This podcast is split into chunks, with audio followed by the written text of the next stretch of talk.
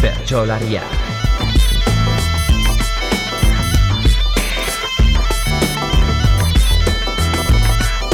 Bertsolaria, lehenengo atala.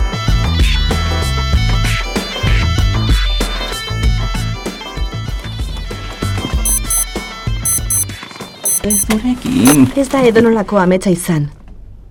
Ileta autoa errepide luzean. Tulipan hori zinguratutako bigarren mailako errepide galduan.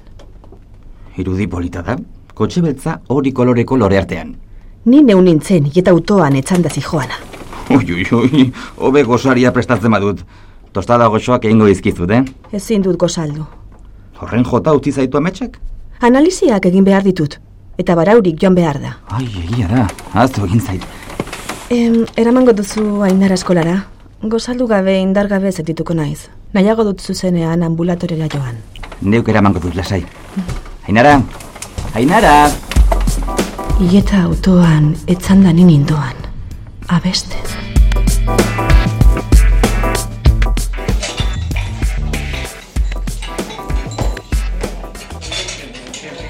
Ez du sekula ulertuko, zertarako analiziak egin.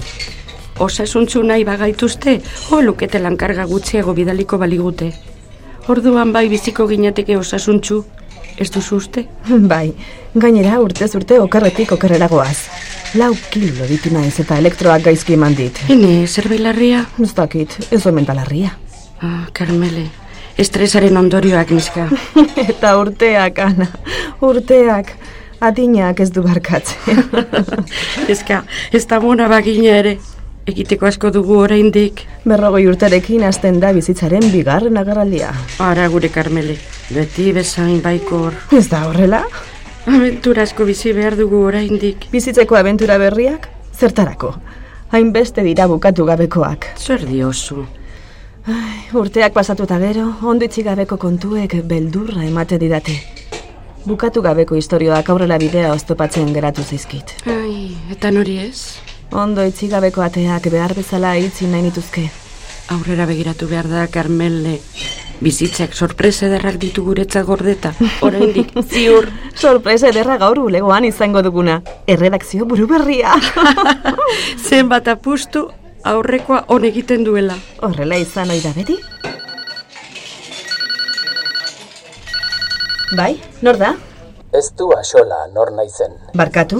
nor nintzen baizik. Nor da? Karmele arruti, ze moduz aspaldiko? Nortzara? Aspaldiko laguna, ala ezaguna. Zer nahi duzu? Nortzara? Galdera horiei erantzuteko zergatik etzatoz nigana.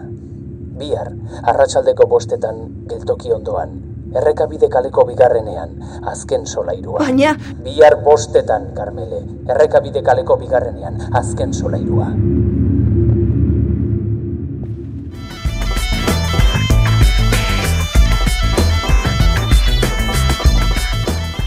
Bertsolarria, Galder Perezen gidoi originala.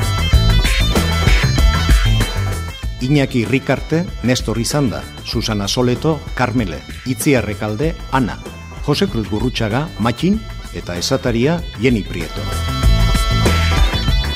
Carmen Sanestebanek zuzendu du, Enrique Loyola zuzendari laguntzailea, musikaren egilea Jimmy Bidaurreta eta soinu teknikaria Olaia Sánchez. E Nazioarteko antzerki jaialdia eta Radio Vitoria EITB-ren produkzioa.